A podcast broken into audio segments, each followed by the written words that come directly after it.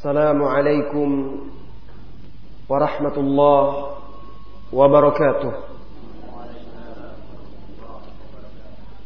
إن الحمد لله نحمده ونستعينه ونستغفره ونعوذ بالله من شرور أنفسنا وسيئات أعمالنا.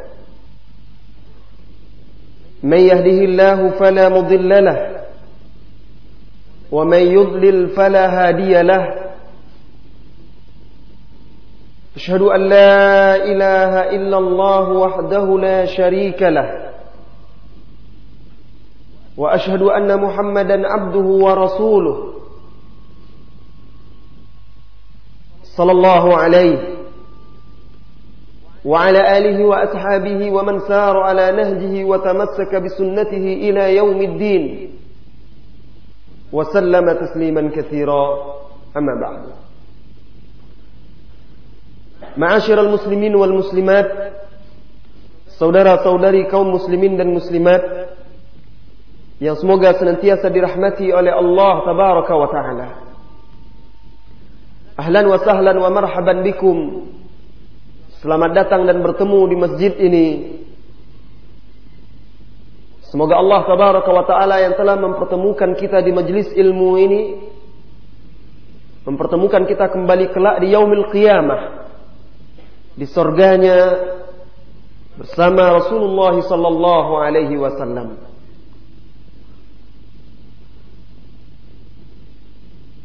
Kaum muslimin dan muslimat yang dirahmati oleh Allah tabaraka wa taala.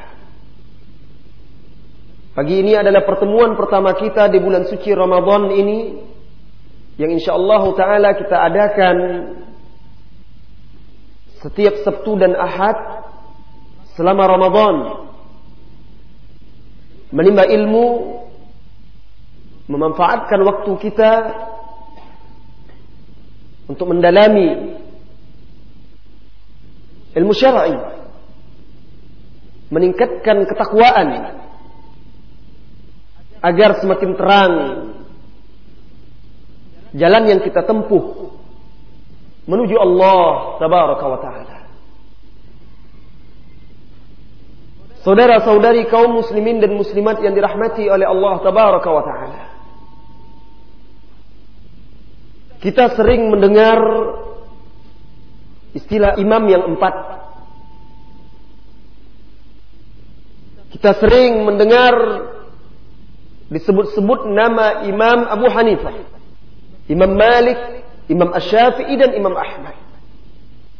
Tetapi saya yakin banyak di antara kita yang belum begitu mengenal sosok sang imam-imam tersebut yang menjadi panutan, yang madhabnya diikuti oleh kaum muslimin. Mereka adalah a'immatul huda, imam-imam petunjuk. Perjalanan hidup mereka laksana lentera di malam hari dalam kegelapan menerangi jalan kaum muslimin dalam berpegang teguh kepada agama Allah tabaraka wa taala. Beranjak dari sini maka insya Allah hari-hari kita hari ini, esok dan juga Sabtu berikutnya, Ahad berikutnya kita akan gunakan untuk mengenal sosok para ulama-ulama kita dan imam-imam terkemuka tersebut agar semakin memotivasi kita untuk mengikuti Al-Quran dan Sunnah. Mengikuti cara mereka beragama dan memahami agama ini. Karena selama ini, mayoritas kita mengaku mengikuti salah seorang imam dari imam tersebut. Tetapi realitanya tidak sedikit. Apa yang kita amalkan tidaklah sesuai dengan apa yang diamalkan oleh para imam-imam tersebut. Hari pertama ini insya Allah kita akan bercerita membahas perjalanan hidup secara ringkas perjalanan hidup Imam Abu Hanifah Al-Imamul Akbar. Imam besar digelari oleh para ulama sang imam besar Imam Abu Hanifah. Imam Abu Hanifah cawan ilmu yang tidak akan melukai bibir orang yang merenggu ilmu darinya. kaum muslimin dan muslimat yang dirahmati oleh Allah tabaraka wa taala. Gelar yang disandang oleh Imam Abu Hanifah yang diberikan oleh para ulama kepadanya sang imam besar al-imam al-kabir bukanlah omong kosong isapan jempol. Tetapi beliau memang pantas untuk menyandang gelar tersebut. Bahkan bukan pula maksudnya Imam Abu Hanifah seorang yang maksum terjaga dari dosa dan kesalahan. Tidak. Gelar tersebut menunjukkan kedudukan Imam Abu Hanifah di tengah umat Islam dan sumbangsih ilmiahnya untuk dunia Islam.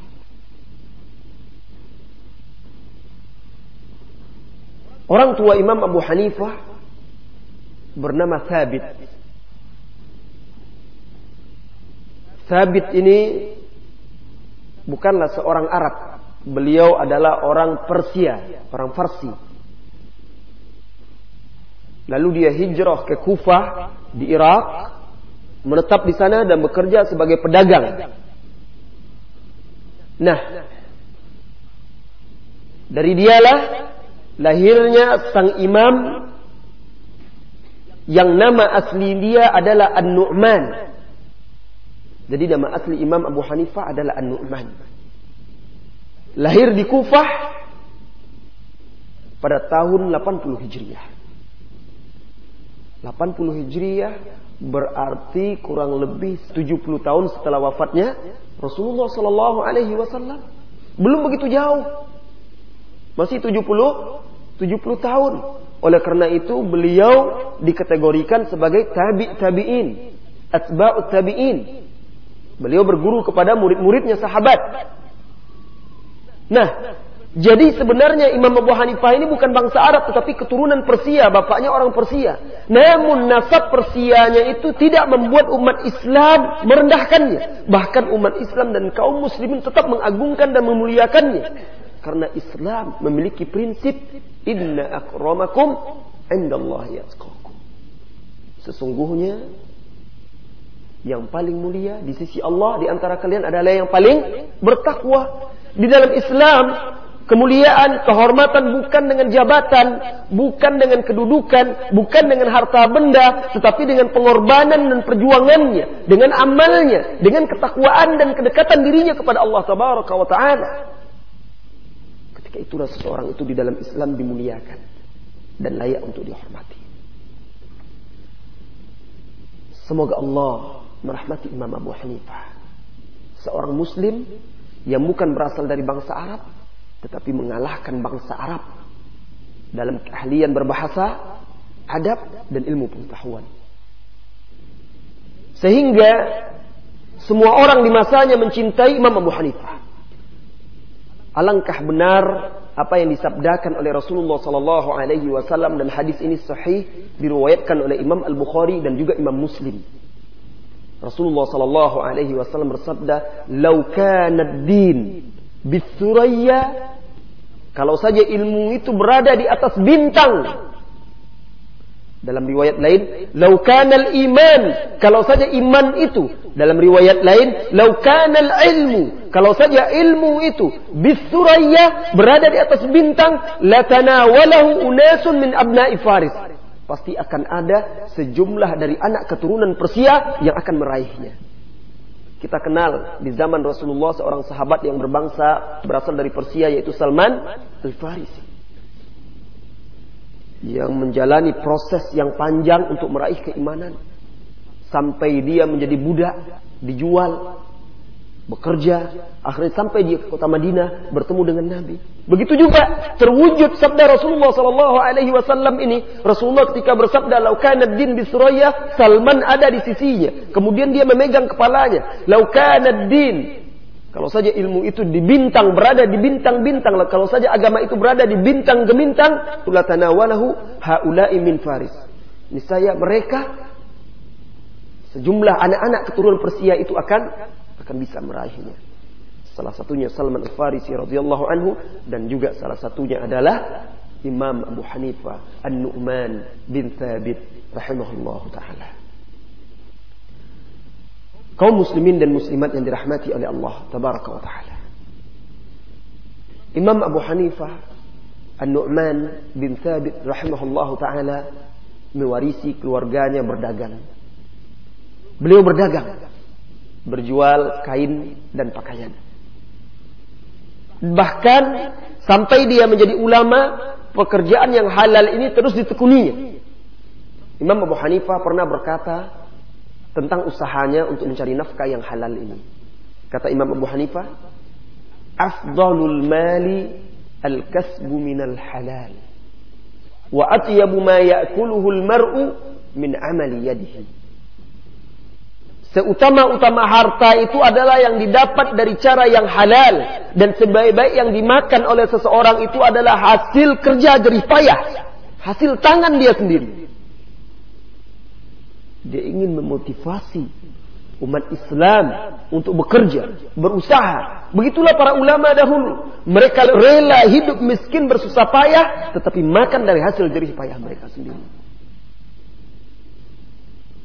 Bahkan sampai Imam Ahmad itu saking tidak maunya dia menerima pemberian pemerintah ketika itu.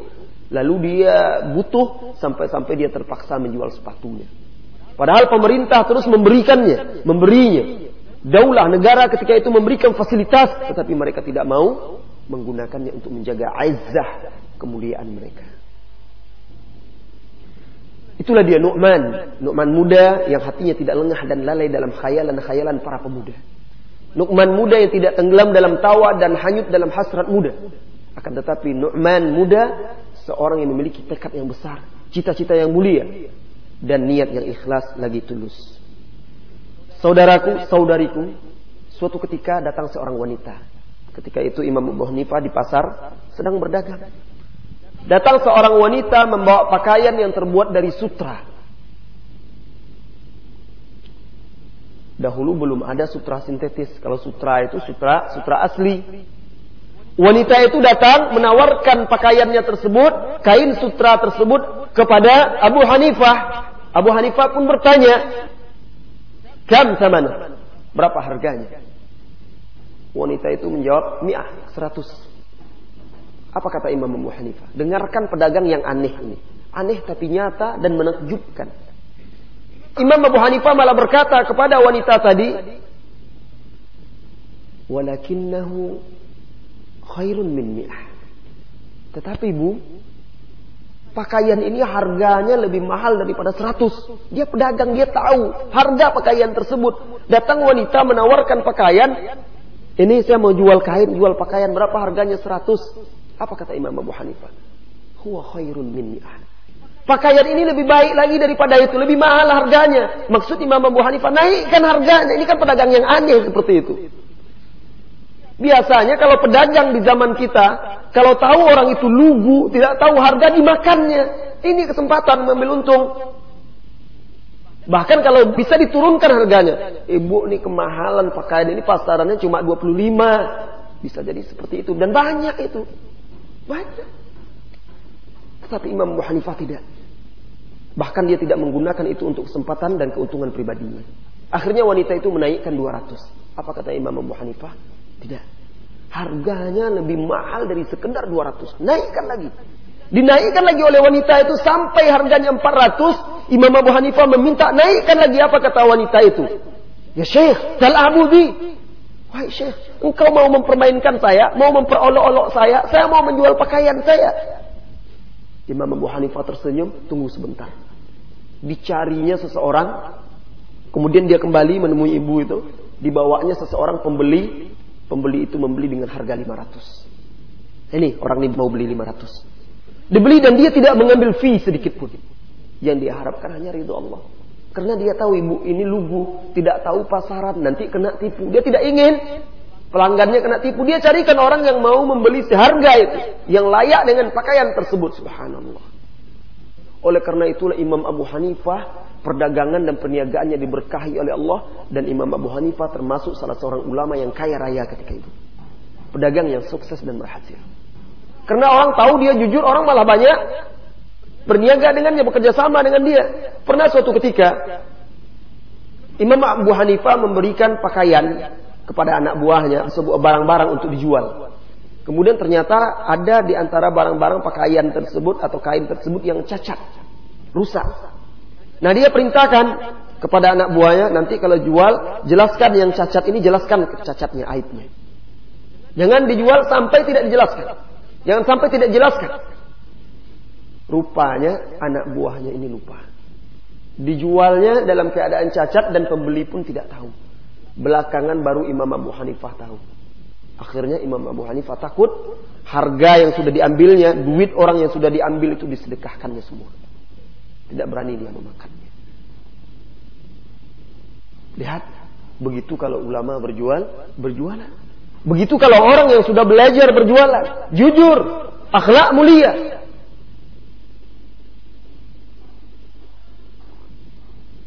Dan salah satu kebiasaan Imam Abu Hanifah, saudara-saudariku, setiap tahun dia mengumpulkan laba keuntungan dia berdagang. Setelah terkumpul, lalu dibelikannya kebutuhan-kebutuhan untuk para syekh, para ulama-ulama dan para penuntut ilmu serta ahli hadis. Lalu dibagi-baginya. Kalau masih ada uangnya berlebih, dibagikannya dalam bentuk uang tersebut kepada ahli hadis, kepada ulama-ulama, kepada guru-guru dan kepada para penuntut ilmu. Lalu beliau katakan, gunakan ini untuk memenuhi kebutuhan-kebutuhan kalian. Subhanallah. Tentulah sangat jarang kita dapatkan ulama-ulama yang seperti itu. Panutan dan suri tauladan. Dan beliau insya Allah mendapatkan pahala sebanyak orang yang mengamalkan ilmunya dan menggunakan amal jariahnya itu untuk beribadah di jalan kebaikan. Saudara-saudariku kaum muslimin dan muslimat yang dirahmati oleh Allah Taala.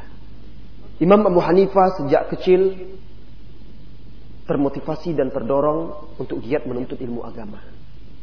Beliau menuturkan kenapa beliau memilih jalan ilmu ini.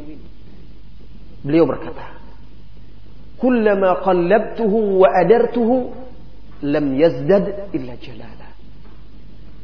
Setiap kali aku membolak-balik menggali mempelajari ilmu, ilmu itu semakin bertambah agung dan mulia. Maksudnya ilmu agama ini. Apa ada, Apa ada yang lebih mulia daripada ilmu agama? Kemuliaan ilmu itu tergantung dari kemuliaan yang dipelajari. Semakin mulia yang dipelajari, semakin tinggi pula kedudukan dan kemuliaan ilmu. Dan tidak ada yang lebih mulia daripada Allah. Oleh karena itu tidak ada lagi ilmu yang lebih mulia selain daripada ilmu mengenal Allah. Selain daripada ilmu agama, ilmu tentang Al-Quran, kalamullah, ilmu tentang hadis-hadis Rasulullah, yang diajarkan oleh Allah kepada Rasulnya Sallallahu Alaihi Wasallam.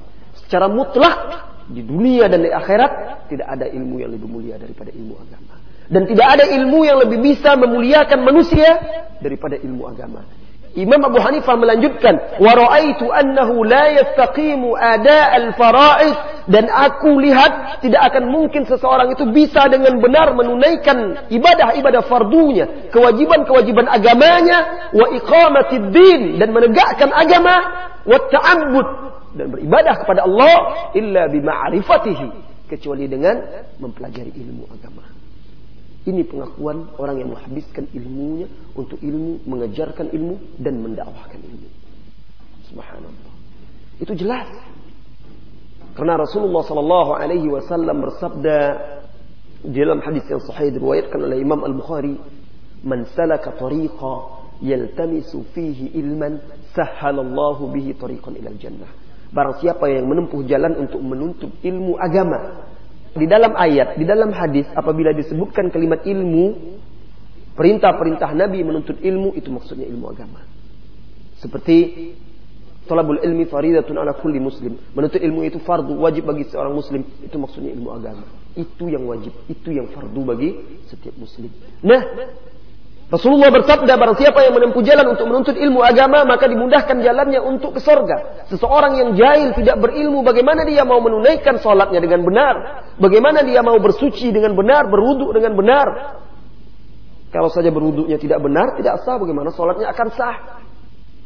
Bagaimana dia berpuasa dengan benar? Bagaimana dia berzikir dengan benar? Bagaimana dia mendekatkan diri kepada Allah dengan benar? Dan bagaimana dia bertakwa menjadi muslim yang sejati, mengenal yang halal dan yang haram kalau dia tidak mau mendalami ilmu agama.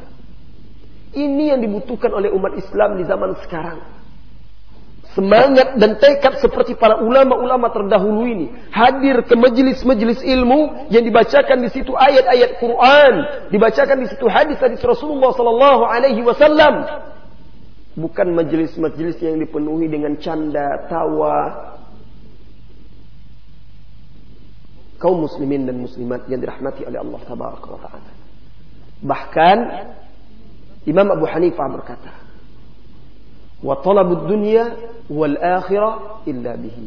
Dan tidak mungkin seseorang itu mendapatkan dunia akhirat kecuali dengan ilmu. Kita ambil contoh mudah saja di dunia ini. Urusan dunia, kalau orang itu tidak berilmu, susah dia untuk meraih dunianya. Kalau orang itu tidak pandai baca tulis, sekolahnya rendah, mudah ditipu, mudah ditipu orang. Kalaupun dia bekerja, dia bekerja pun rendah. Apalagi masalah akhirat. Apalagi masalah masalah akhirat. Kaum muslimin dan muslimat yang dirahmati oleh Allah taala. Mari kita teladani Imam Abu Hanifah menuntut ilmu khususnya di bulan suci Ramadan ini jadikan momentum untuk membakar semangat kita untuk menuntut ilmu agama. Begitu juga setelah Idul Fitri nanti dan begitu juga tahun-tahun berikutnya jangan pernah putus asa dan bosan. Nanti kita akan temukan berapa lama, berapa tahun lamanya Imam Abu Hanifah itu belajar. Berkata Imam Az-Zahabi, seorang ulama ahli hadis di dalam kitabnya Tazkiratul Huffaz juz 1 halaman 168. Beliau menjelaskan bahwasanya Abu Hanifah An-Nu'man meriwayatkan hadis dari Atha, Nafi, Abdurrahman bin Hurmus, Salam bin Kuhail, Abu Ja'far, Muhammad bin Ali, Qatada, Amr bin Dinar, Abu Ishaq dan banyak ulama-ulama lain lagi. Jadi kaum muslimin, kaum muslimat, Imam Abu Hanifah ini adalah seorang perawi hadis. Dia meriwayatkan langsung hadis dengan sanadnya. Imam Abu Hanifah adalah seorang fikih Imam Abu Hanifah beristihad menyimpulkan hukum melalui hadis-hadis Nabi. Oleh karena itu, wahai kaum muslimin dan muslimat, jangan lagi ada seseorang yang berkata, saya mengikuti mazhab si Anu, saya ikut imam si Anu. Lalu ditinggalkannya hadis-hadis Nabi. Saya ikut ustadz itu, ustadz itu kan mengatakan A, hadis Nabi ditinggalkannya. Kata Buya itu B, hadis Nabi ditinggalkannya. Kata kiai itu C, hadis Nabi ditinggalkannya. Lihatlah Imam Abu Hanifah, seluruh para imam, Imam Abu Hanifah, Imam Malik, Imam Syafi'i, Imam Ahmad, seluruhnya mereka meneliti, mencari hadis-hadis Nabi, lalu mengikuti hadis Nabi tersebut. Kalau mereka tidak mendapatkan hadis Nabi, mereka beristihad. Bahkan Imam Abu Hanifah berkata, "Idza sahhal hadis fa huwa madhhabi." Apabila hadis itu telah sahih, maka itulah madhabku. Jadi dia madhabnya tidak mengikuti siapa-siapa, cuma mengikuti na, Nabi. Apabila hadis telah sahih, itulah sesungguhnya madhabku. Beliau juga berkata di dalam kesempatan lain, la yahillu liman yufti min kutubi an yuftiya hatta ya'lama min aina qultu. Tidak halal, aku tidak ridhoi, aku tidak halalkan orang yang berfatwa dari kitab-kitabku sebelum dia mengetahui dari mana aku mengambil fatwa tersebut. Berarti Imam Abu Hanifah tidak ridho kita mengikuti pendapatnya sampai kita tahu dasarnya, dalilnya.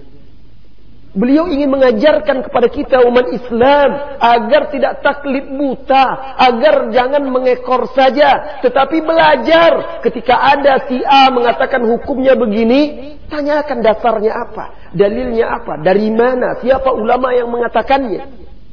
Seperti itulah dia dahulu. Sampai-sampai dia mengatakan tidak halal seseorang mengambil fatwa dari kitab-kitabku sampai dia tahu apa dasar-dasar dan dari mana aku mengatakannya. Berkata Imam Malik, Innama ana basharun ukhti'u wa usib. Aku ini hanyalah seorang manusia yang kadang keliru, kadang benar. Fanduru fi ra'yi. Lihatlah pendapat-pendapatku.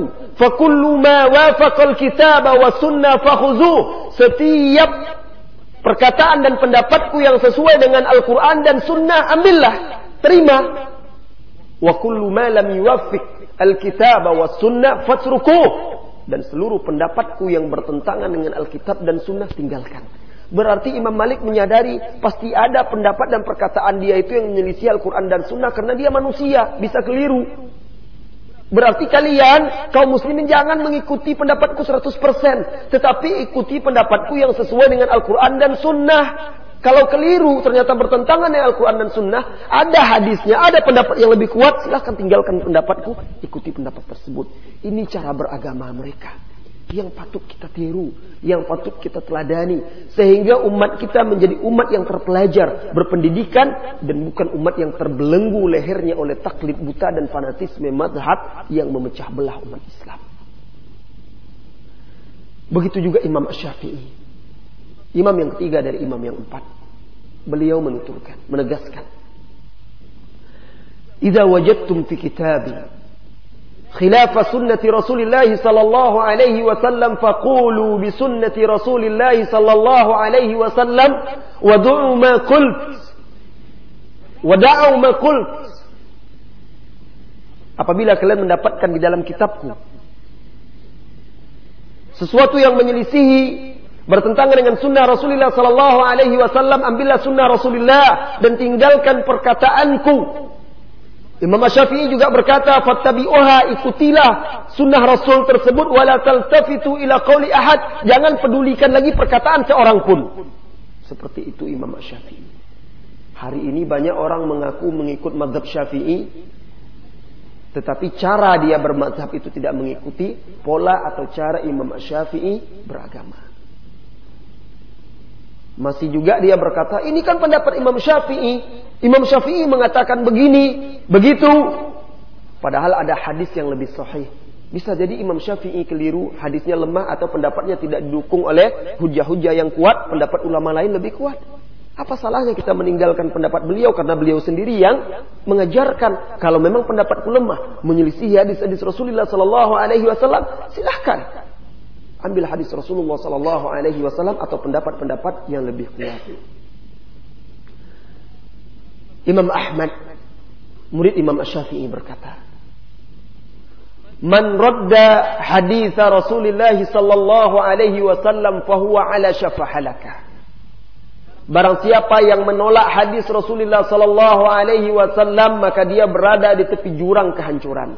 Wahai kaum muslimin, wahai kaum muslimat, ayyuhal muslimun wa ayyatuhal muslimat, Berapa sering hadis-hadis Rasulullah Sallallahu Alaihi Wasallam disampaikan kepada kita, lalu kita sombong, berpura-pura, berlagak dan berkata nantilah saya periksa dahulu. Siapa kita sehingga ingin memeriksa hadis?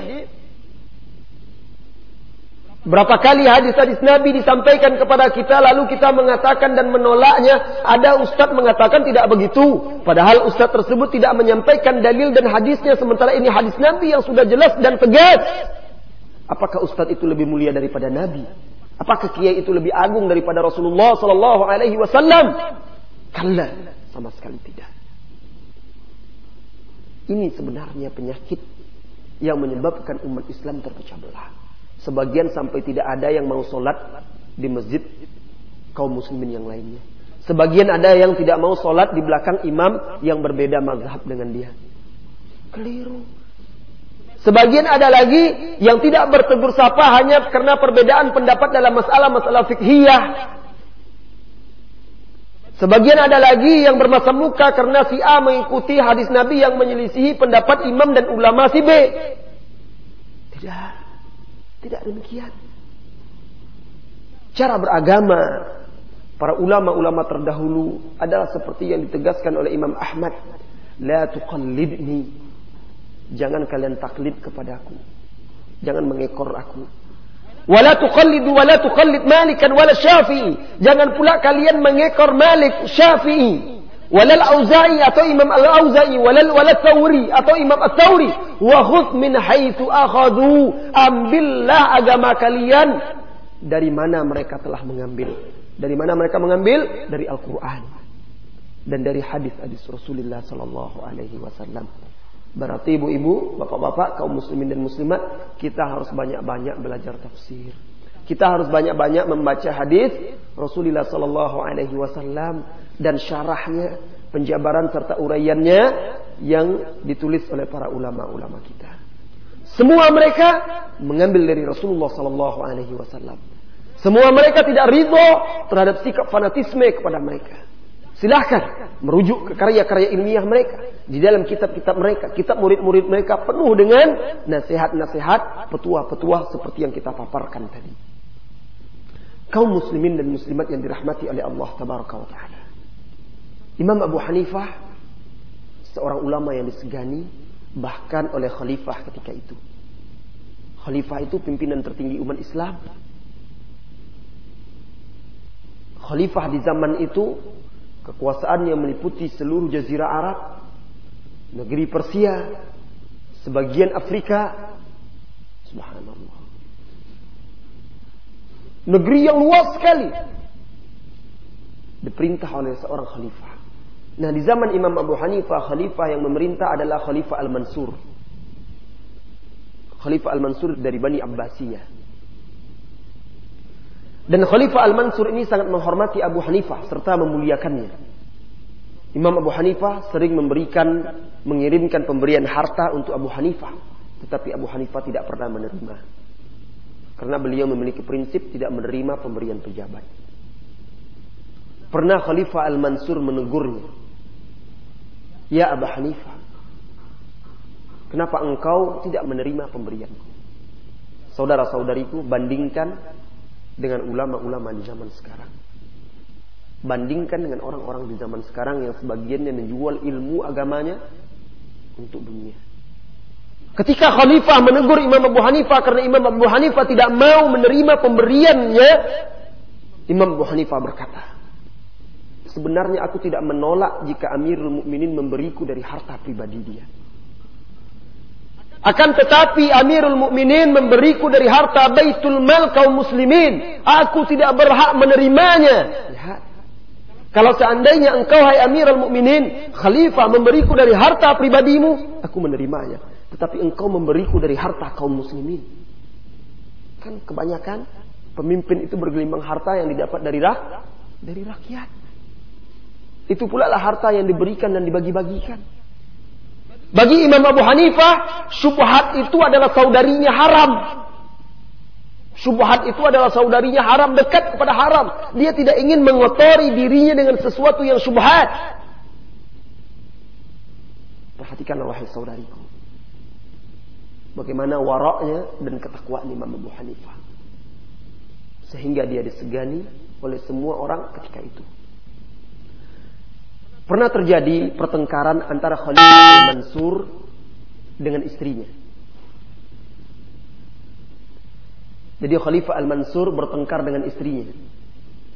Karena Khalifah ini cenderung kepada istrinya yang kesekian.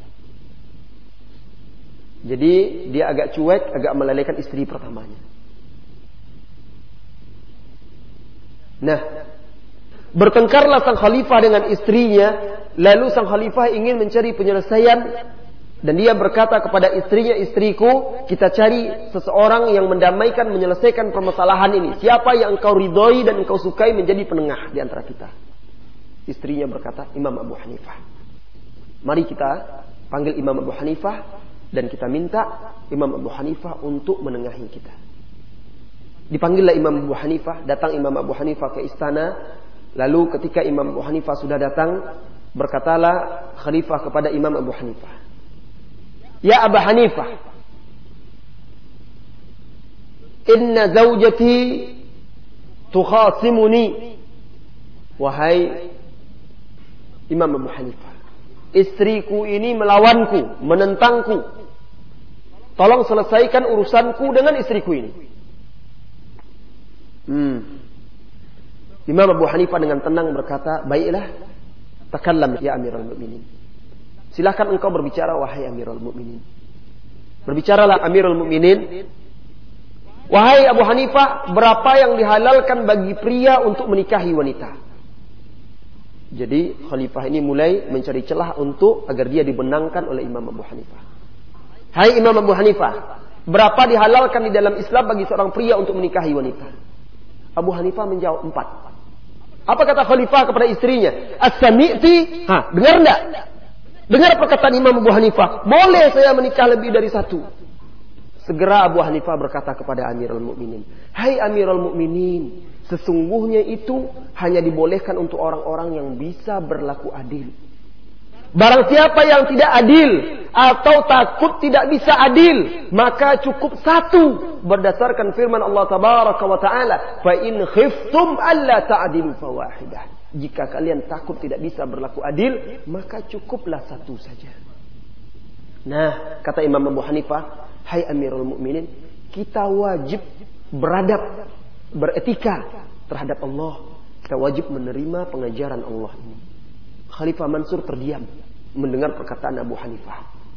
Setelah mereka diam semuanya, istrinya merasa menang juga, akhirnya diam. Imam Abu Hanifah berdiri dan meninggalkan mereka. Ketika Imam Abu Hanifah pulang, sang istri Khalifah ini permaisuri ini yang merasa menang, dipanggilnya pembantunya, lalu dikumpulkannya hartanya, dikirimnya, berikan ini kepada Imam Abu Hanifah. Hadiah. Dia ingin berterima kasih kepada Imam Abu Hanifah. Sampailah utusan tersebut kepada Imam Abu Hanifah. Imam Abu Hanifah menolak hadiah tersebut lalu berkata, sampaikan salam saya kepada istri Khalifah dan katakan kepadanya, sesungguhnya aku tidak membela dia, aku membela agama Allah. Aku bukan sedang membela dia, walaupun dia merasa menang. Aku sedang membela agama Allah. Dan aku melakukannya hanya karena Allah. Aku tidak mengharapkan untuk dekat kepada seseorang. Dan aku tidak mengharapkan dunia dengan perbuatanku itu. Akhirnya pulanglah pembantu itu mengembalikan hadiah tersebut kepada istri raja. Renungkanlah wahai saudara-saudariku betapa mulia, betapa teguhnya hati sang Imam Abu Hanifah, imam besar di masanya. Kaum muslimin dan muslimat yang dirahmati oleh Allah tabaraka wa taala.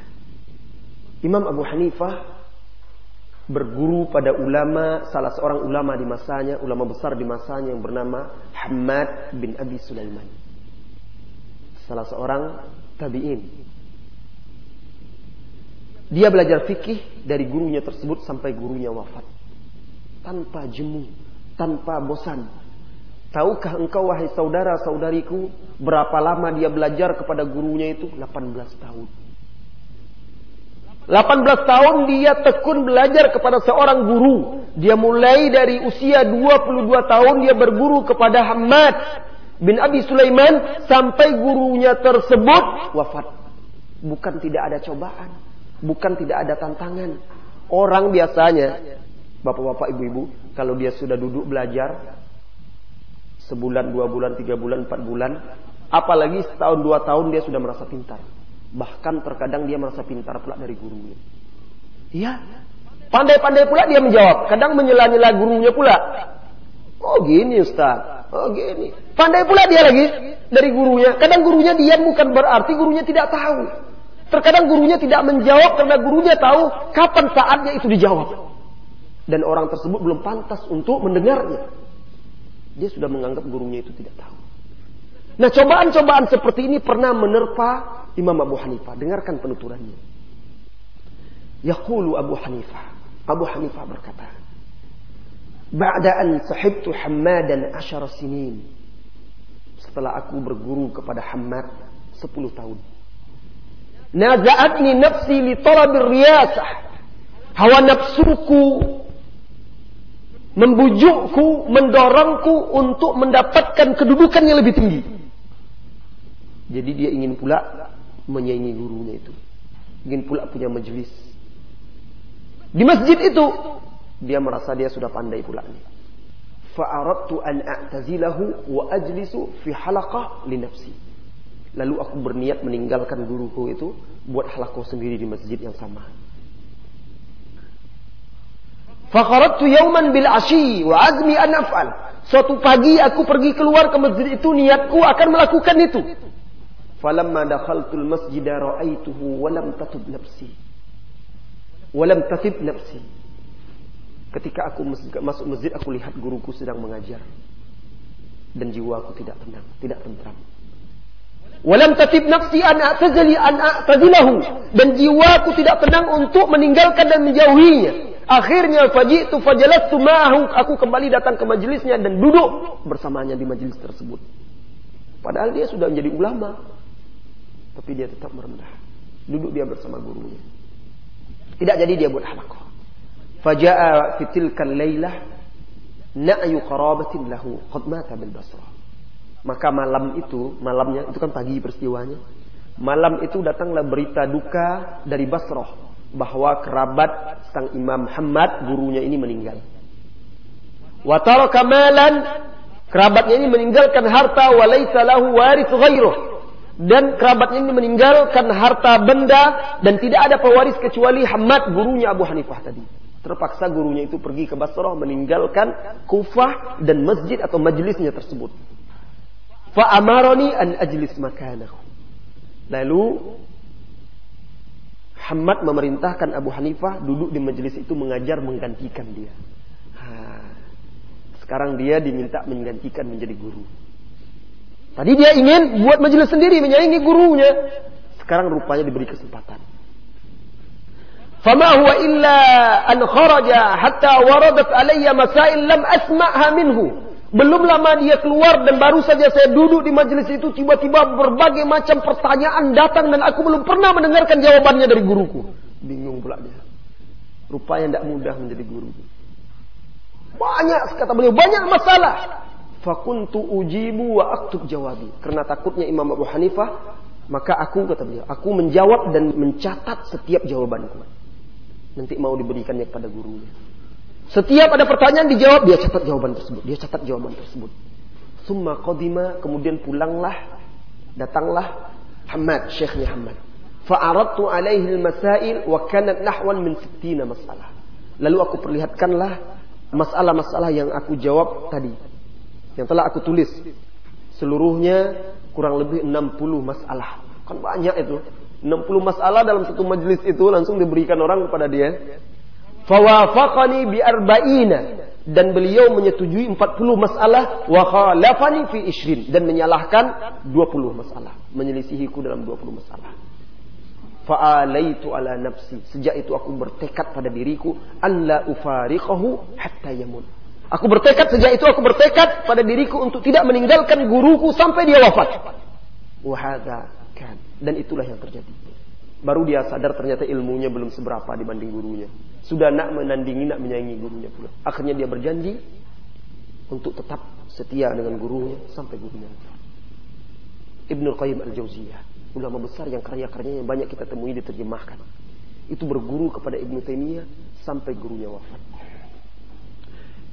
Imam Al-Muzani Ar-Rabi bin Sulaiman, murid-murid Imam Syafi'i berguru kepada gurunya sampai Imam Syafi'i wafat. Begitu kebiasaan para ulama dahulu. Berguru walaupun mereka sudah jadi ulama, mereka tetap berguru sampai gurunya wafat. Seperti itu mereka sehingga mereka mendapatkan berkah ilmu. Karena semakin panjang usia seorang, semakin banyak pengalamannya. Semakin bijaksana dia, semakin dalam perenungannya.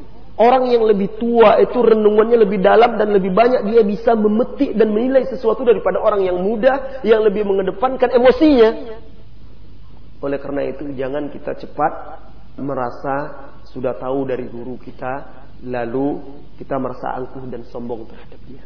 Inilah akhlak seorang ulama yang patut kita tiru.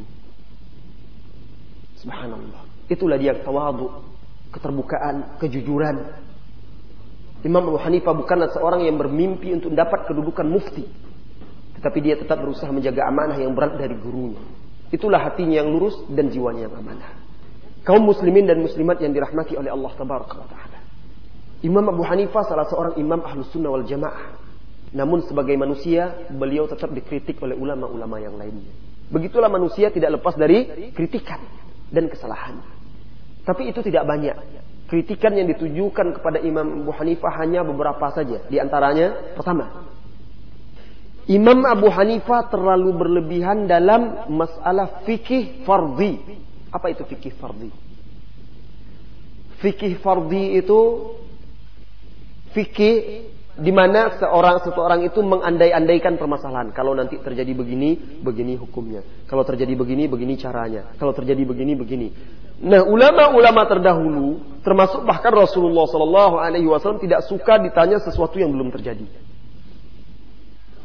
Sampai-sampai di zaman Rasulullah ketika sahabat menanyakan sesuatu sebelum itu terjadi, turun ayat la tas'alu an asya'in in tubdalakum tasukum. Wa in tas'alu anha hina yunazzalul Qur'an tubdalakum. Janganlah kalian menanyakan sesuatu apabila nanti dijelaskan kepada kalian turun jawabannya akan berat bagi kalian. Jangan tanya sesuatu yang belum terjadi akhirnya menjadi berat bagi kalian. Tetapi jika kalian bertanya ketika Al-Quran itu turun, telah diturunkan, telah dijelaskan, tidak paham, tidak mengerti, bertanya, ketika itu akan dijelaskan bagi kalian. Oleh karena itu kan banyak orang bertanya nanti kalau terjadi begini Ustadz bagaimana? Begini bagaimana? Kadang masalah itu tidak mungkin terjadi. Atau belum lagi mungkin akan terjadi. Nah ini yang namanya istilahnya fikih fardi. Nah Imam Abu Hanifah ini fikih dia banyak seperti itu. Dalam mazhab Abu Hanifah. Mazhab Hanafi.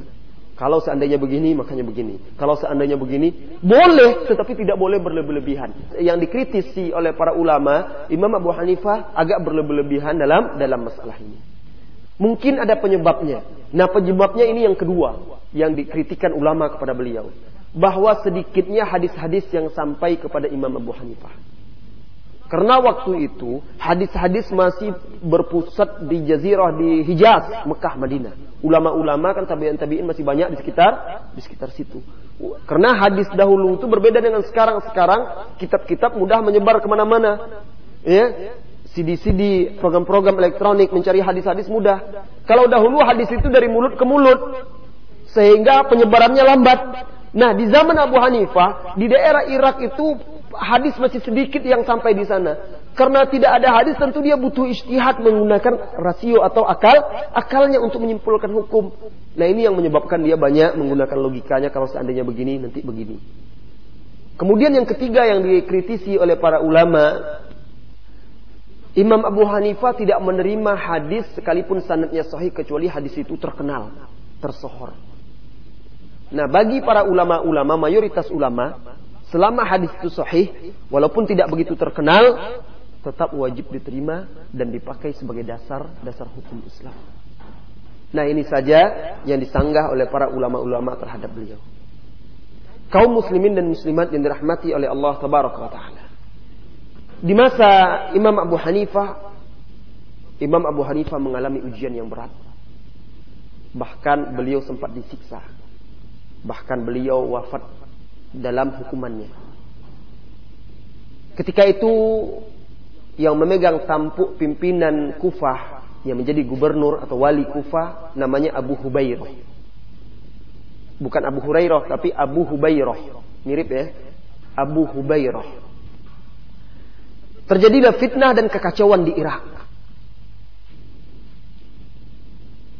Lalu dikumpulkanlah para fuqaha, ahli-ahli fikih, ulama di istananya. Di antara mereka ada ulama yang bernama Ibnu Abi Layla, Ibnu Shubrumah, Daud bin Abi Hind. Lalu gubernur ini memaksa para ulama-ulama tadi untuk mengemban tugas karena mereka tahu ulama-ulama ini panutan masyarakat ketika itu terjadi kekacauan. Diberilah tugas-tugas yang berat kepada ulama ini. Termasuk Imam Abu Hanifah. Imam Abu Hanifah dipaksa untuk memegang stempel kegubernuran. Sehingga setiap statement resmi itu dikeluarkan, distempel oleh Imam Abu Hanifah. Begitu juga harta yang keluar dari Baitul Mal harus melalui izin Imam Abu Hanifah. Tetapi Imam Abu Hanifah menolak tugas tersebut. Hubairah memaksanya dan mengancamnya. Apa kata Imam Abu Hanifah? Lau aradani an a'idda lahu abwaba majid wa wasit lama fa'altu. Kalau saja dia menugaskanku untuk menyiapkan untuknya pintu-pintu gerbang di daerah Majid dan Wasit itu nama daerah di Irak niscaya aku tidak akan melakukannya Saudara-saudariku, orang-orang lain mungkin akan bangga mendapat kepercayaan dari dari negara. Orang-orang lain akan bangga mendapat tampuk pimpinan dan jabatan dari pemerintah. Bahkan orang berebut-rebut untuk mendapatkan itu. Tetapi Imam Abu Hanifah lari dari jabatan tersebut. Karena dia tahu itu amanah yang berat. Dan dia tahu dirinya tidak akan sanggup untuk memikulnya. Akhirnya Abu Hanifah dipenjara. Disiksa hingga berhari-hari sampai ia jatuh pingsan dan tidak sadarkan diri.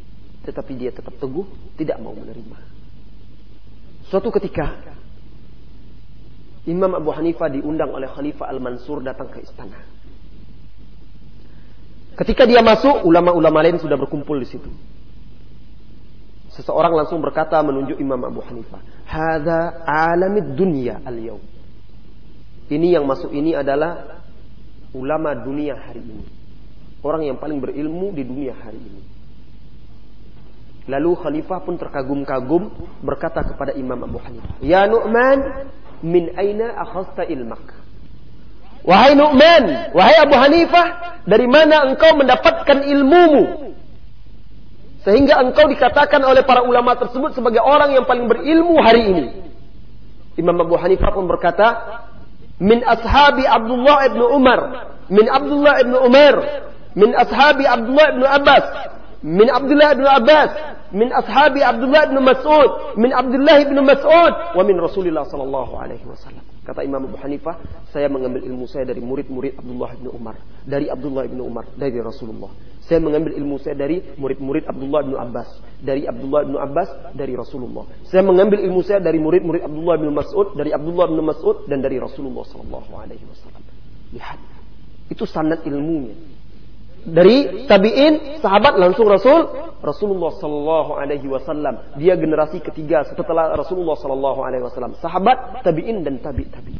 Dan dia mengambilnya dari ulama-ulama sahabat terkemuka. Abdullah bin Umar Abdullah bin Abbas dan Abdullah bin Mas'ud. Karena ketika itu ada empat orang Abdullah yang dikenal dengan Al-Abadilah Al-Arba'ah. Empat orang Abdullah yang menjadi pemimpin ulama para sahabat Abdullah bin Umar, Abdullah bin Abbas, Abdullah bin Mas'ud dan Abdullah bin Amr bin As. Dan dia berguru mengambil ilmunya dari tiga orang. Lihat berapa luas dan banyaknya banyaknya ilmu. Dari murid-murid sahabat, dari sahabat dari Rasulullah, Rasulullah menerimanya dari Jibril dan Jibril menerimanya dari dari Allah taala. Ilmu yang agung, ilmu yang mulia yang mengangkat diri menjadi mulia pula di, di mata kaum muslimin. Saudaraku, Para ulama-ulama tersebut bukanlah malaikat.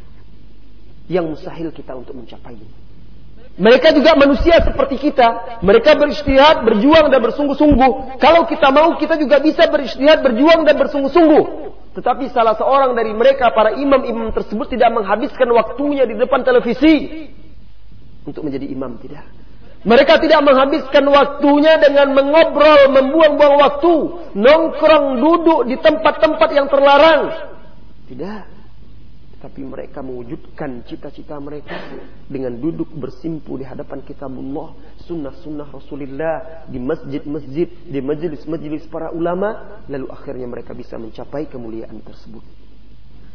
Mereka tidak menjadi tenar dan terkenal karena mengidolakan urusan-urusan dunia, kesehatan, cinta, harta, masa depan pribadi, ketenaran, idola, penyanyi, permainan dan segala macamnya. Karena cita-cita dan tekad mereka jauh lebih mulia daripada itu. Saudara-saudariku, mari kita kembali kepada kisah Ad-Nu'man Abu Hanifah. Khalifah Al-Mansur pernah mengambil sumpah dan perjanjian dengan penduduk Mosul. Mosul itu juga nama daerah di Irak. Jadi penduduk Mosul ini dulu pernah memberontak kepada Khalifah Al-Mansur, lalu ditaklukkan, lalu mereka membuat perjanjian setia mereka berjanji kalau mereka membangkang sekali lagi darah mereka halal. Halal bagi bagi khalifah. Nah akhirnya suatu ketika penduduk Mosul kembali memberontak. Lalu sebelum Khalifah Al-Mansur membunuh mereka, dipanggillah para ulama dan ahli fikih, dikumpulkan di istana.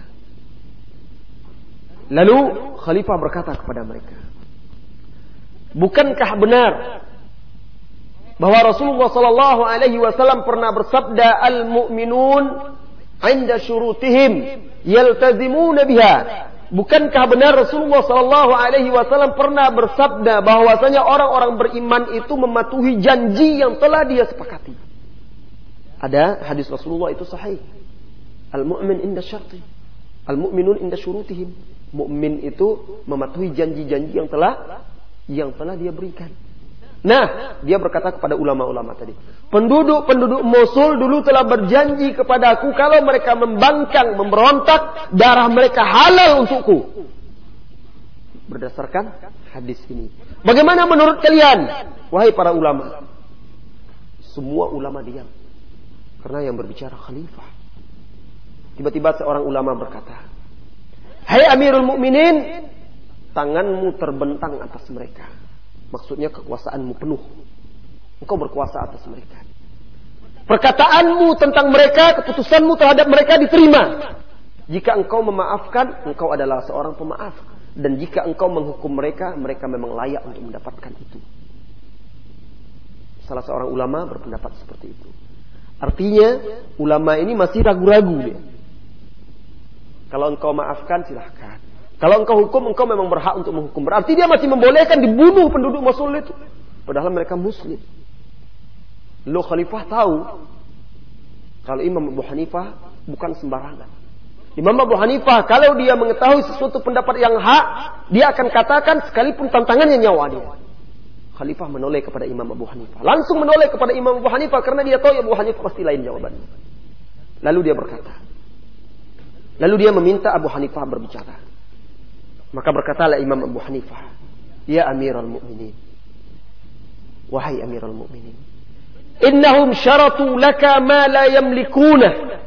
Mereka memberikan syarat kepadamu apa-apa yang tidak mereka miliki.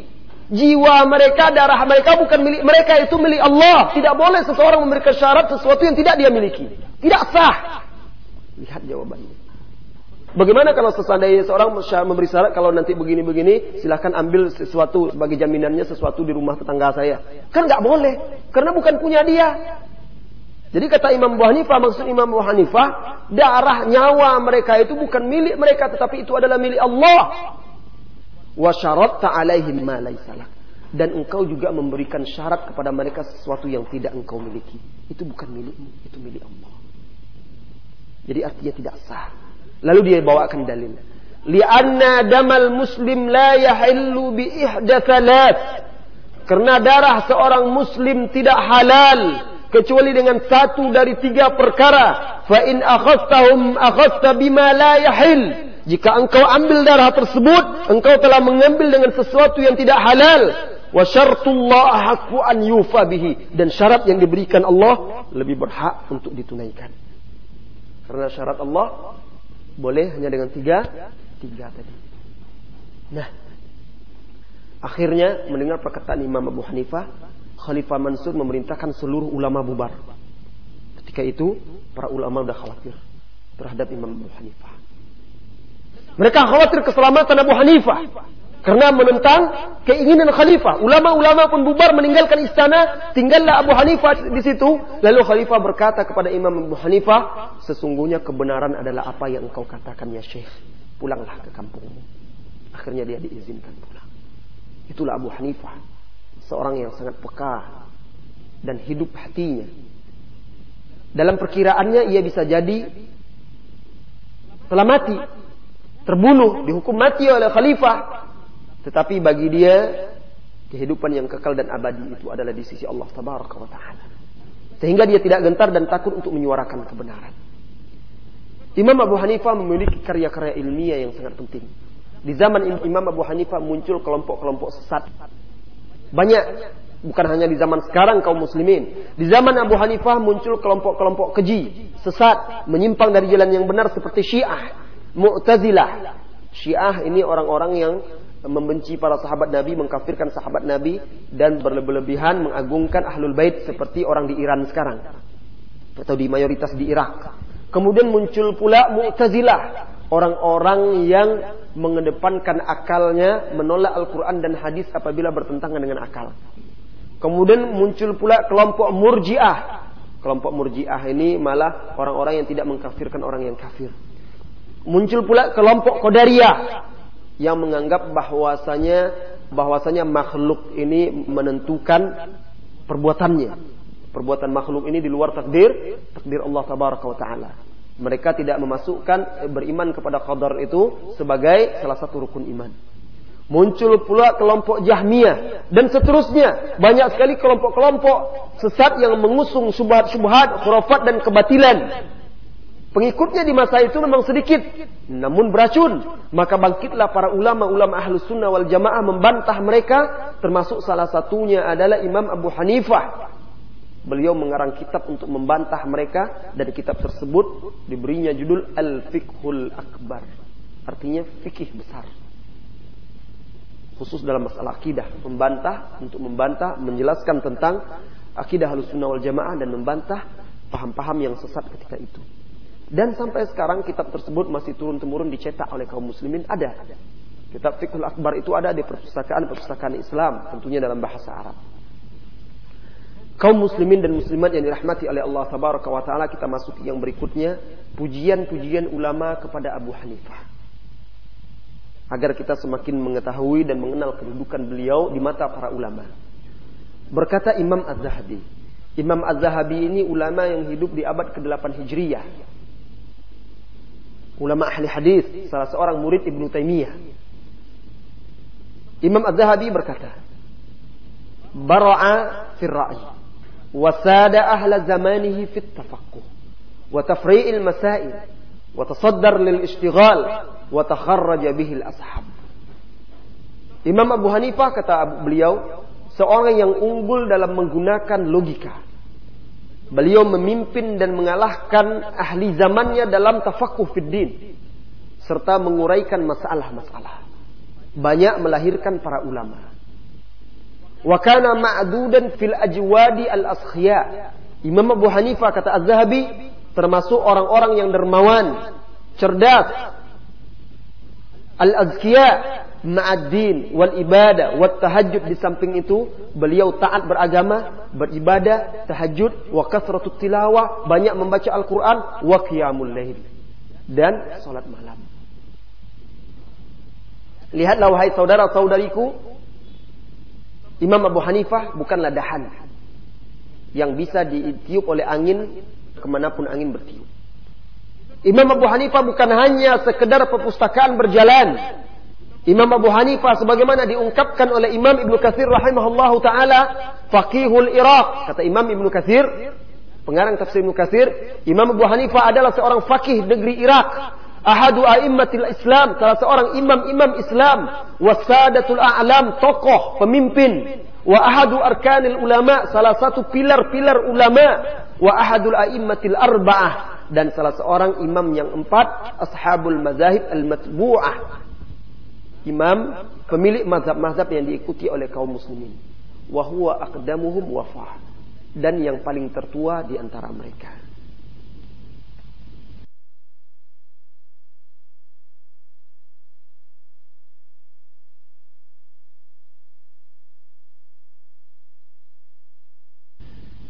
Ibnul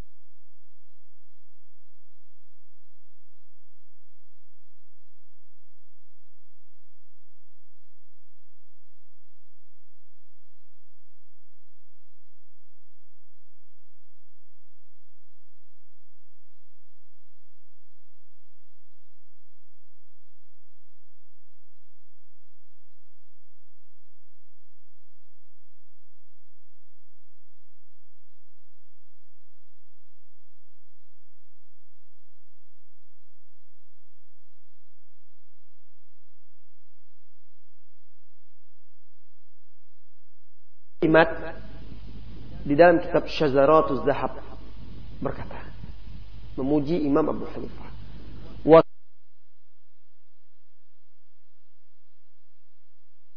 Imam Syafi'i minggu depan akan kita ceritakan bagaimana murid-murid Imam Abu Hanifah akhirnya berguru kepada Imam Syafi'i. Tidak ada ulama ketika itu yang berani. Tetapi Imam Syafi'i mengumpulkan, mencatat seluruh permasalahan Imam Abu Hanifah Kemudian yang salah-salah itu dia koreksi. Karena Imam Syafi'i juga terkenal kecerdasannya dan ahli dalam berbahasa, berdialog dan berdebat. Kaum muslimin dan muslimat yang dirahmati oleh Allah Subhanahu wa taala. Itulah dia kenang-kenangan para ulama dan para imam tentang Imam Abu Hanifah. Masih banyak lagi pujian-pujiannya. Kembali kita lanjutkan tentang Imam Abu Hanifah. Suatu ketika Imam Abu Hanifah mengunjungi gurunya yang bernama Al-A'mash karena gurunya banyak. Salah seorang gurunya bernama Al-A'mash, ulama ahli hadis yang terkenal juga. Datang seorang bertanya meminta fatwa kepada Al-A'mash. Jadi ketika itu Imam Abu Hanifah berada di sisi gurunya, lalu datang orang lain untuk bertanya kepada Al-A'mash. Lalu Al-A'mas berkata kepada muridnya, kepada Imam Abu Hanifah, Ajibhu, jawab. Abu Hanifah jawab pertanyaannya. Biasa guru terkadang mempersilahkan murid. Ayo jawab pertanyaannya. Lalu Imam Abu Hanifah pun menjawab pertanyaan tersebut. A'mas pun heran terhadap jawabannya itu. Dengan dalil-dalilnya. Min aina laka hadha? Dari mana kamu bisa menjawabnya ini? Dari mana jawabannya ini? Apa kata Abu Hanifah? Min hadithin haddastanihi huwa kada wa kada. Wa akhadha yarwi. Ini dari hadis yang dahulu kamu riwayatkan kepada saya. Hadis ini saya dapat dari anda, wahai guruku. Dulu tahun dulu engkau meriwayatkannya, saya dengar, lalu saya riwayatkan, disebutkannya. Kisahnya. Apa kata Al-Amash? Hasbuk, hasbuk, cukup, cukup. Ma haddastuka bihi fi sana, tuhadithu bihi fi sa'ah. Hadis yang saya sampaikan kepada engkau setahun yang lalu bisa secepat itu engkau hadirkan hari ini antumul atibba wa nahnu sayadilah kalian ini adalah para dokter dan kami ini adalah ahli-ahli farmasi apa maksudnya kami ini yang merangkai obat-obat yang segala macam kalian yang meletakkannya untuk, siapa sakit dan segala karena dokter yang menentukan untuk ini jawabannya ini. Penyakit ini ini obatnya. Tetapi obatnya itu yang meramunya adalah orang-orang farmasi. Nah, ahli-ahli hadis yang kerja hanya meriwayatkan hadis, meneliti hadis zaman itu, mereka itu tak obatnya seperti ahli-ahli farmasi yang menyediakan obat, tetapi yang menentukan untuk jawaban apa, itu adalah para ulama-ulama fikih seperti Imam Abu Hanifah dan lain-lainnya. Ini juga menunjukkan pujian dan kecerdasannya. Oleh karena itu, Imam Ahmad memuji Imam Syafi'i, insya Allah nanti kita temukan pada pertemuan berikut, bahwa ilmu fikih itu terkunci dahulunya. Sampai datang Imam Syafi'i dibukanya kunci fikih tersebut. Artinya dahulu orang banyak memahami hadis-hadis begitu saja. Tetapi untuk menjabarkannya kurang. Menyimpulkannya. Sampai datang Imam Syafi'i. Imam Abu Hanifah adalah seorang yang warak yang bertakwa, takut kepada Allah tabaraka wa taala. Berkata Ibnu Mubarak, "Qultu li Sufyan ats-Tsauri." Aku berkata kepada Sufyan ats-Tsauri, "Ma ab'ada Abu Hanifah anil ghibah." Alangkah jauhnya Abu Hanifah dari gibah. Menggunjing. Imam Abu Hanifah tidak pernah menggunjing. Ma sami'tu yang tabu aduwan lahu. Saya tidak pernah mendengar Imam Abu Hanifah menggunjing musuhnya. Apalagi kawannya. Apalagi saudaranya. Menggunjing musuhnya saja dia tidak pernah terdengar oleh para ulama. Bagaimana pula mau menggunjing menggunjing orang-orang yang tidak dimusuhinya. Begitu dia menjaga menjaga lisannya karena dia, dia tidak banyak berbicara.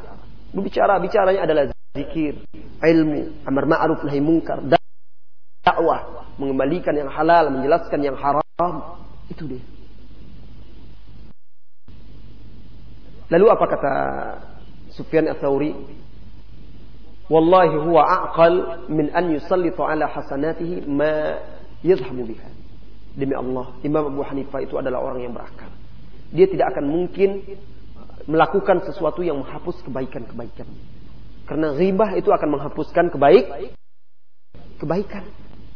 Kebaikan salat kita yang banyak pahala puasa kita, zakat kita, haji kita itu akan lenyap nanti di hari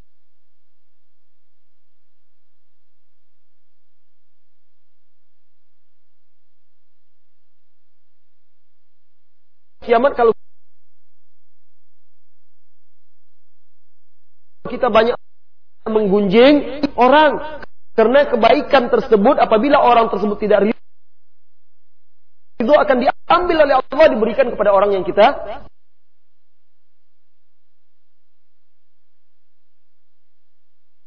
yang kita zolimi, yang kita gunjing tadi.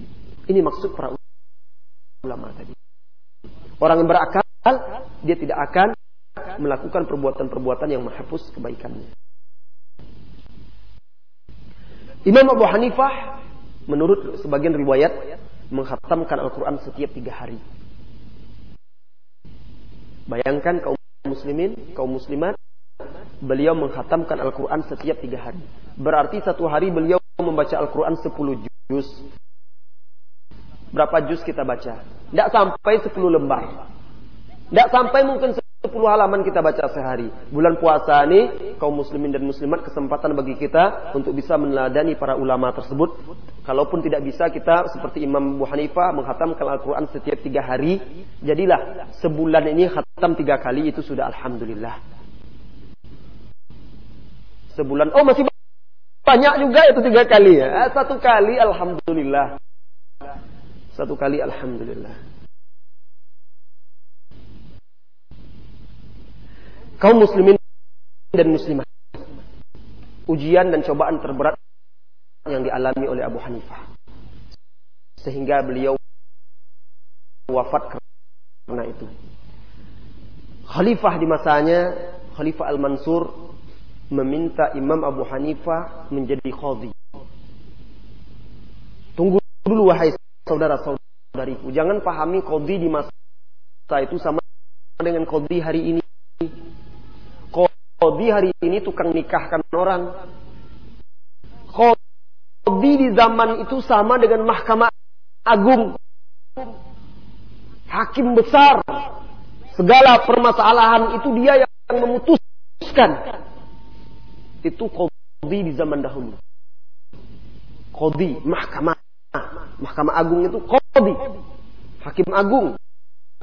Nah dia diminta oleh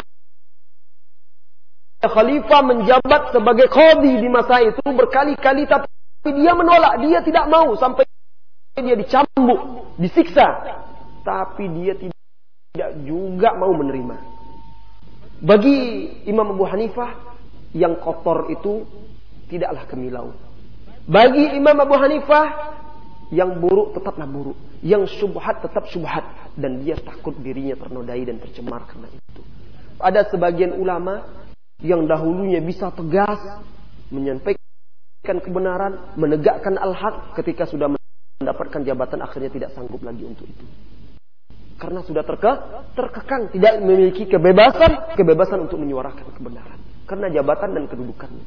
Banyak hal-hal yang harus dijaganya. Nah Imam Abu Hanifah menghindari hal itu salah satunya. Berkata Imam Abu Hanifah kepada Khalifah Al-Mansur. Ketika dia ditawari menjadi qadhi, apa kata Imam Abu Hanifah? Hai Khalifah, aku tidak pantas untuk menjabat. Apa kata Khalifah? Bal anta kadib, anta tasluh. Kamu bohong. Kamu itu pantas untuk menjadi Khodi, kamu bohong. Apa kata Imam Abu Hanifah? Lihatlah wahai khalifah, saya ini kan pembohong. Seorang pembohong itu tidak pantas menjadi khalifah. Kan engkau sendiri yang mengatakan saya itu pembohong, kadib. Kenapa engkau pilih saya menjadi khalifah? Khalifah akhirnya terdiam juga karena itu. Lihatlah kecerdasan Imam Abu Hanifah bermain kata-kata. Ketika khalifah mengatakan meminta dia menjadi khadri, dia berkata, Ya khalifah, ana la asluh. Saya tidak pantas. Apa kata khalifah? Karena dia tahu Imam Abu Hanifah itu ya bohong kamu. Kadib, anta tasluh lil qada lil. Kamu pantas untuk menjadi qadhi.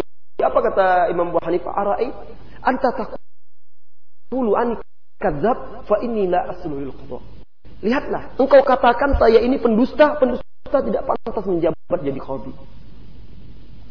Kemudian diulang lagi. Berapa waktu setelah itu dipanggil lagi dia ke istana, ditawari lagi untuk menjadi qadhi. Dia menolak juga. Akhirnya dia di penjara.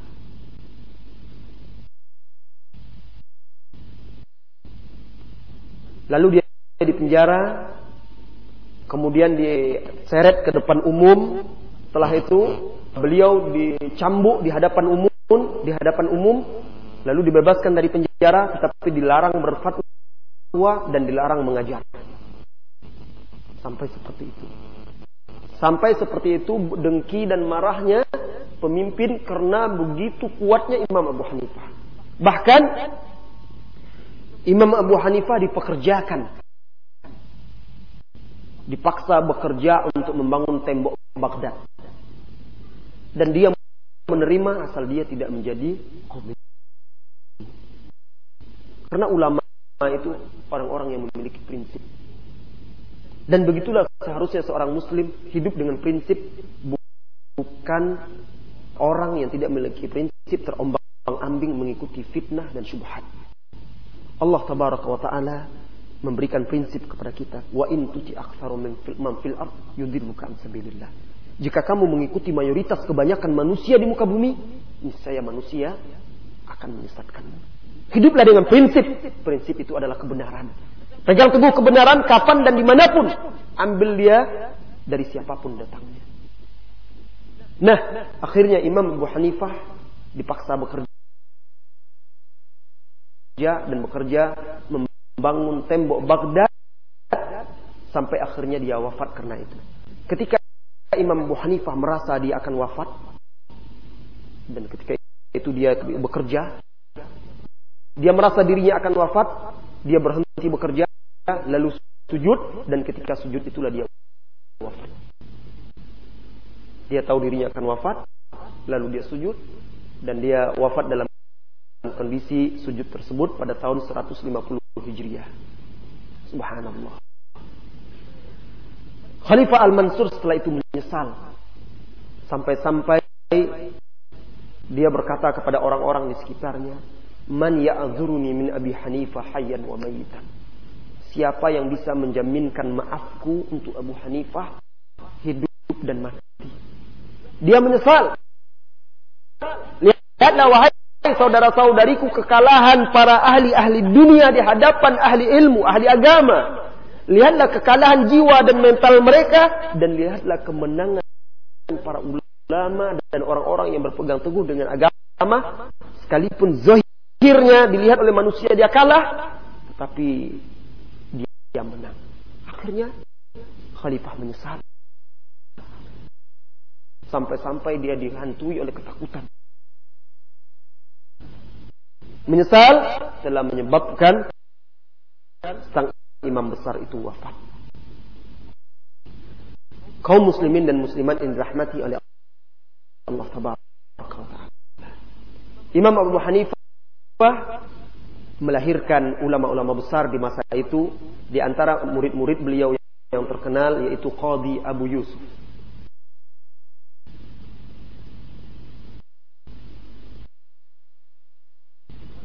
Qadi Abu Yusuf adalah murid-murid terkemukanya. Murid yang paling terkenal dari murid Abu Hanifah. Dan Qadi Abu Yusuf pakai kodi karena dia akhirnya beliau menjabat menjabat kodi dan kodi Abu Yusuf ini di zaman Harun ar-Rasyid di zaman Harun ar-Rasyid dan Harun ar-Rasyid salah seorang khalifah yang dekat dengan ilmu yang mencintai para ulama dan memerangi bid'ah murid-murid beliau murid-murid Imam Abu Hanifah yang tersebar ke seluruh pelosok negeri Islam ketika itu berdakwah menegakkan Islam lebih dari 700 orang ulama yang menjadi ulama. Murid-murid Imam Abu Hanifah yang berhasil menjadi ulama lebih dari 700.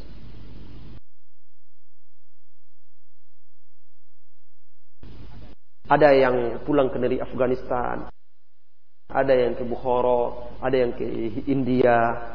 Oleh karena itu penyebaran mazhab Imam Abu Hanifah itu sampai sekarang banyak di daerah daerah itu, di daerah Rusia, di daerah India, kemudian juga di daerah Cina daerah-daerah itu banyak penyebaran mazhab Abu Hanifah. Karena asalnya Imam Abu Hanifah tadi kita sebutkan dari Persia, dari Persia.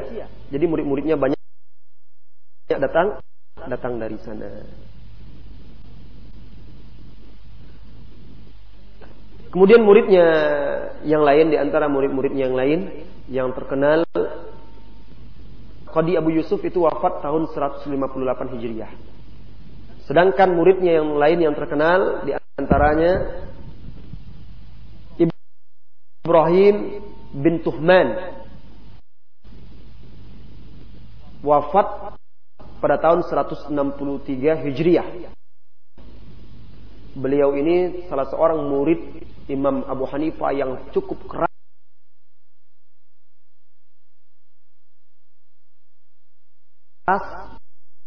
terhadap ahli bid'ah. Khususnya melawan Jahmiyah. Sampai-sampai diceritakan Imam Ibrahim bin Tuhman, murid Imam Abu Hanifah itu menunda hajinya khusus untuk membantah Jahmiyah dan menjaga diri. Oleh karena itu beliau sibuk mengarang kitab-kitab membantah paham Jahmiyah ketika itu. Sampai beliau tidak menunaikan haji karena itu. Karena dia melihat ini lebih penting. Kalau dia pergi karena haji zaman dulu berbulan-bulan, bahkan pada yang bertahun-tahun karena berjalan kaki, naik onta, bukan dekat. Oleh karena itu dia tunda perjalanan haji dia untuk mengarang buku membantah ahli bidah tersebut. Itulah perjuangan para ulama. Kemudian di antara ulama murid-murid dia yang terkenal juga yaitu Zufar Ibnul Huzail. Zufar Ibnul Huzail.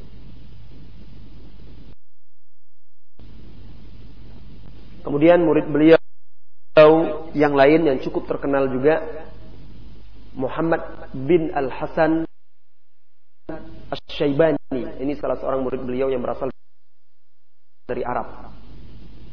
Dan semasa dengan Imam Syafi'i. 189 Hijriah wafatnya.